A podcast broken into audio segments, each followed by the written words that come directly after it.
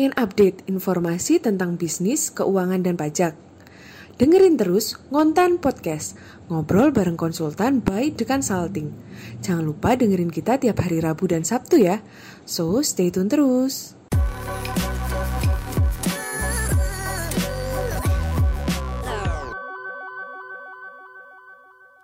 Jumpa lagi dengan saya Lukas Tiawan. Hari ini saya akan membahas mengenai uh, persediaan ya.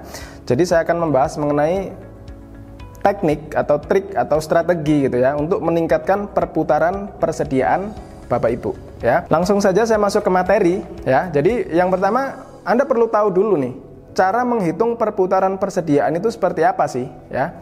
Jangan-jangan selama ini Anda tidak pernah aware, Anda tidak pernah menghitung, bahkan Anda tidak pernah tahu bahwa menghitung perputaran persediaan itu penting untuk menilai kinerja persediaan Anda gitu ya. Jadi teknik untuk menghitung perputaran persediaan adalah Anda perlu membagi antara HPP ya atau harga buka harga pokok penjualan ya dibagi dengan persediaan rata-rata Oke, jadi harga pokok penjualan dibagi dengan persediaan rata-rata. Untuk tahu harga pokok penjualan, Anda tinggal lihat di laporan laba rugi, Bapak Ibu. Jadi di laba rugi itu di bawahnya penjualan atau pendapatan itu biasanya ada yang namanya HPP. Nah itu Anda ambil angkanya, ya, kemudian Anda bagi dengan persediaan rata-rata. Itu Anda ambil di neraca, ya. Jadi Anda tinggal bagi, Anda tinggal lihat hasilnya seperti apa, seperti itu ya. Dari situ Anda bisa tahu perputaran persediaan Anda itu baguskah atau malah uh, kurang bagus. Nah, Anda Anda bisa menilai nantinya seperti itu ya. Sekarang yang jadi problem adalah Anda perlu tahu jika perputaran persediaan adalah Anda itu lambat ya, apa resiko dan dampak yang akan Anda dapatkan ya. Jadi Anda harus aware dengan resiko jika perputaran persediaan Anda lambat. Yang pertama, Anda tentu gudang Anda tentu akan jadi penuh ya dengan barang-barang. Masalahnya belum tentu semua barang itu liquid atau belum tentu semua barang itu cepat keluar atau belum tentu semua barang itu laku kan gitu.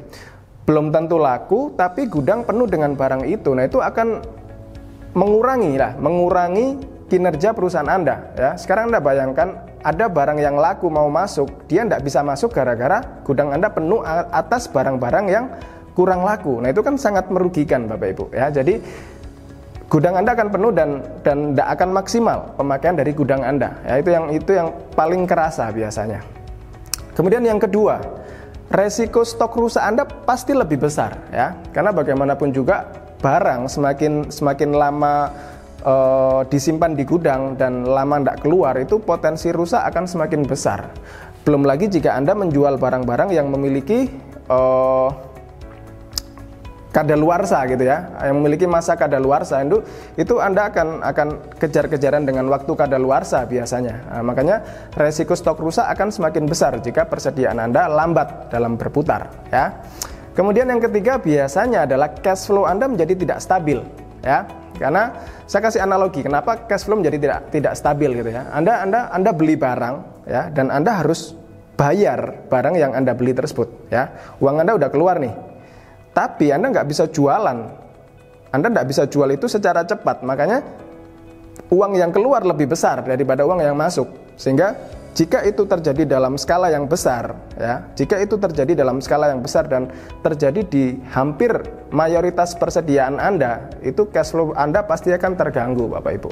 Ya, jadi cash flow Anda menjadi tidak stabil.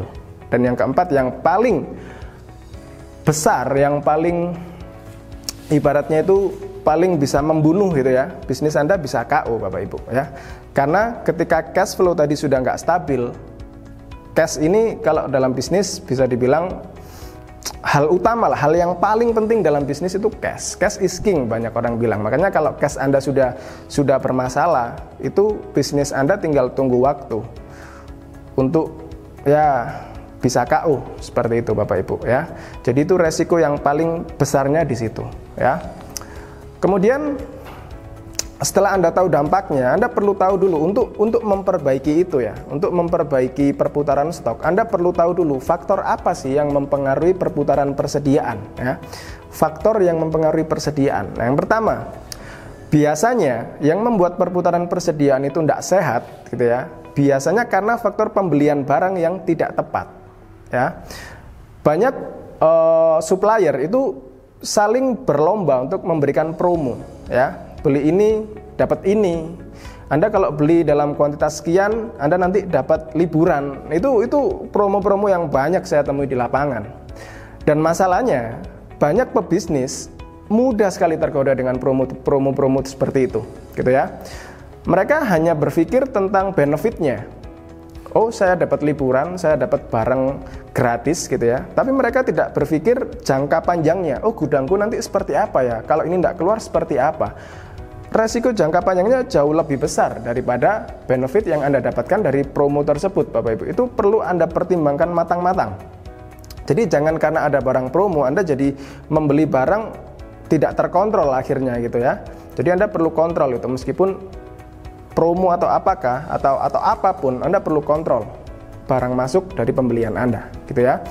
Kemudian faktor yang kedua adalah penjualan yang biasa aja ya. Penjualan yang biasa aja artinya di sini Anda perlu perlu membuat strategi khusus terkait sales Anda, terkait marketing Anda agar stok Anda ini bisa bisa segera keluar gitu ya.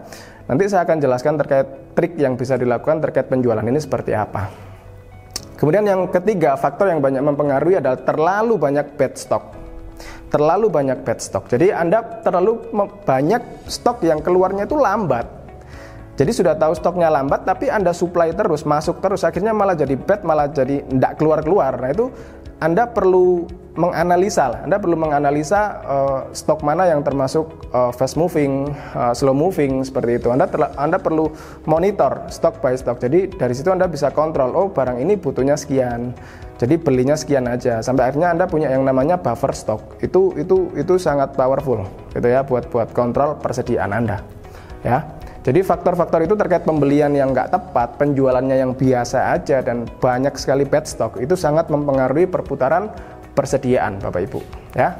Kemudian selanjutnya setelah Anda tahu dampaknya, Anda tahu faktor yang mempengaruhinya, Anda perlu tahu trik untuk mempercepat perputaran persediaan Anda ya. Jadi yang pertama saya tadi sempat singgung mengenai buffer stock ya. Jadi di sini buffer stock itu tujuannya adalah Anda perlu membatasi penyimpanan stok Anda. Jadi kalau Anda misal uh, atas satu barang gitu ya, Anda punya kontrol. Oh, barang ini karena penjualannya rata-rata sebulan 10 gitu ya misal, maka saya stok maksimal 20 deh. Jadi tidak boleh dari 20, artinya dalam dua bulan barang ini habis dan saya punya waktu untuk order lagi. Jangan sampai jualannya 10, tapi Anda nyetok sampai 100, 200. Nah itu sangat merugikan perusahaan ya. Jadi Anda perlu atur buffer stok atas stok yang Anda miliki di perusahaan Anda, gitu ya. Kemudian buat strategi marketing yang menarik ya. Buat strategi marketing yang menarik. Anda Anda Anda bisa kerjasama dengan banyak ya banyak banyak partner lah. Anda juga bisa buatkan uh, model-model ya tergantung ini tergantung dengan bidang usaha Anda ya. Anda bisa Lalu kerjasama Anda bisa buatkan promo atau diskon atau bundling. Biasanya beli barang ini dapat barang ini. Nah biasanya barang yang di bundling yang dikasih uh, free ini itu Anda pilihkan barang-barang yang bad stock itu tadi. Jadi itu untuk membantu mempercepat keluarnya bad stock ya. Tapi Anda juga harus uh, lakukan perhitungan yang tepat. Jadi jangan sampai Anda jual bundling tapi nanti endingnya Anda rugi. Itu Anda perlu hitung yang tepat gitu ya. Jadi promo bundling ini sangat powerful untuk selain genjot penjualan, Anda juga genjot ngeluarin stok yang bad stock tadi itu ya. Jadi promo bundling atau diskon itu juga bagus. Kemudian Anda perlu uh, pengelompokan barang yang detail. Jadi Anda buatkan pengelompokan barang yang lebih detail ya agar memudahkan dalam analisa produk. Misal untuk Anda yang memiliki usaha misal di bidang penjualan barang-barang kosmetik katakan. Anda perlu pisahkan secara detail mana yang terkait barang-barang yang untuk wajah misal Anda uh, pisahkan barang yang untuk perawatan kulit misal untuk yang perawatan jerawat dan macam-macam tergantung anda pengen mapping dari mana? Nah dari situ Anda bisa bisa menganalisanya lebih lebih detail Bapak Ibu. Jadi Anda bisa tahu, oh ternyata di tempatku ini yang banyak orang cari itu terkait perawatan wajah loh. Jadi dari situ Anda bisa memfokuskan katakan seperti itu. Uh, penjualan untuk barang-barang yang terkait dengan wajah ya dibanding jika Anda tidak membuat pengelompokan Anda akan menjadi semakin global dalam menilai uh, barang Anda, menilai uh, penjualan yang yang terjadi di perusahaan Anda, Anda tidak bisa lebih detail. Ya, jadi jadi dengan dengan pengelompokan ini Anda bisa lebih detail menganalisa terkait produk Anda seperti itu ya. Kemudian yang uh, trik selanjutnya adalah setting harga jual yang tepat ya setting harga jual yang tepat ya case-nya seperti ini contohnya nih jadi untuk barang yang fast moving, ceritanya barang fast moving ini kan ceritanya barang yang banyak orang cari gitu ya dan biasanya kalau fast moving itu kompetitornya lumayan, lumayan banyak maksudnya. Jadi untuk barang-barang yang tipe fast moving ini Anda kasih harga umum lah, harga rata-rata lah. Jadi Anda tidak perlu tidak perlu yang terlalu murah banget gitu ya karena barang ini mau murah maupun rata-rata pun orang masih cari Bapak Ibu. Jadi Anda kasih harga yang rata-rata gitu ya. Jadi biar orang itu tetap datang ke tempat Anda. Tapi ya, tapi untuk barang yang tipenya slow moving atau barang yang jarang-jarang laku gitu ya. Kalau tadi saya kasih contoh di perusahaan kosmetik, biasanya barang yang jarang laku ini barang-barang yang terkait alat-alat salon misalnya itu kan tipe-tipe barang yang besar gitu ya dan orang beli itu paling sebulan sekali atau dua bulan sekali gitu loh itu kan barang-barang jarang laku Nah, untuk barang-barang yang seperti itu, Anda bisa kasih margin yang lebih lebih uh, besar gitu loh. Jadi karena kenapa barang ini jarang laku dan biasanya kompetitor juga tidak terlalu banyak. Artinya konsumen tidak disediakan banyak pilihan. Jadi mau tidak mau dengan margin seperti itu pun mereka tetap mau ambil gitu. Jadi setting harga jual ini sangat tepat. Jadi sebelum Anda melakukan setting harga jual, Anda perlu mapping dulu. Tadi yang mana yang fast moving, mana yang slow moving. Seperti itu ya. Jadi uh, berikut mengenai trik uh, bagaimana meningkatkan persediaan Anda. Jadi saya sudah jelaskan mengenai cara menghitungnya perputaran persediaan seperti apa. Saya juga sudah menjelaskan dampaknya seperti apa jika stok Anda muternya lambat dan saya juga menjelaskan uh, fak, faktornya apa aja sih gitu ya dan dan dan saya juga menjelaskan trik untuk mempercepat persediaan Anda gitu ya. Salam sukses buat Anda semua. Thank you.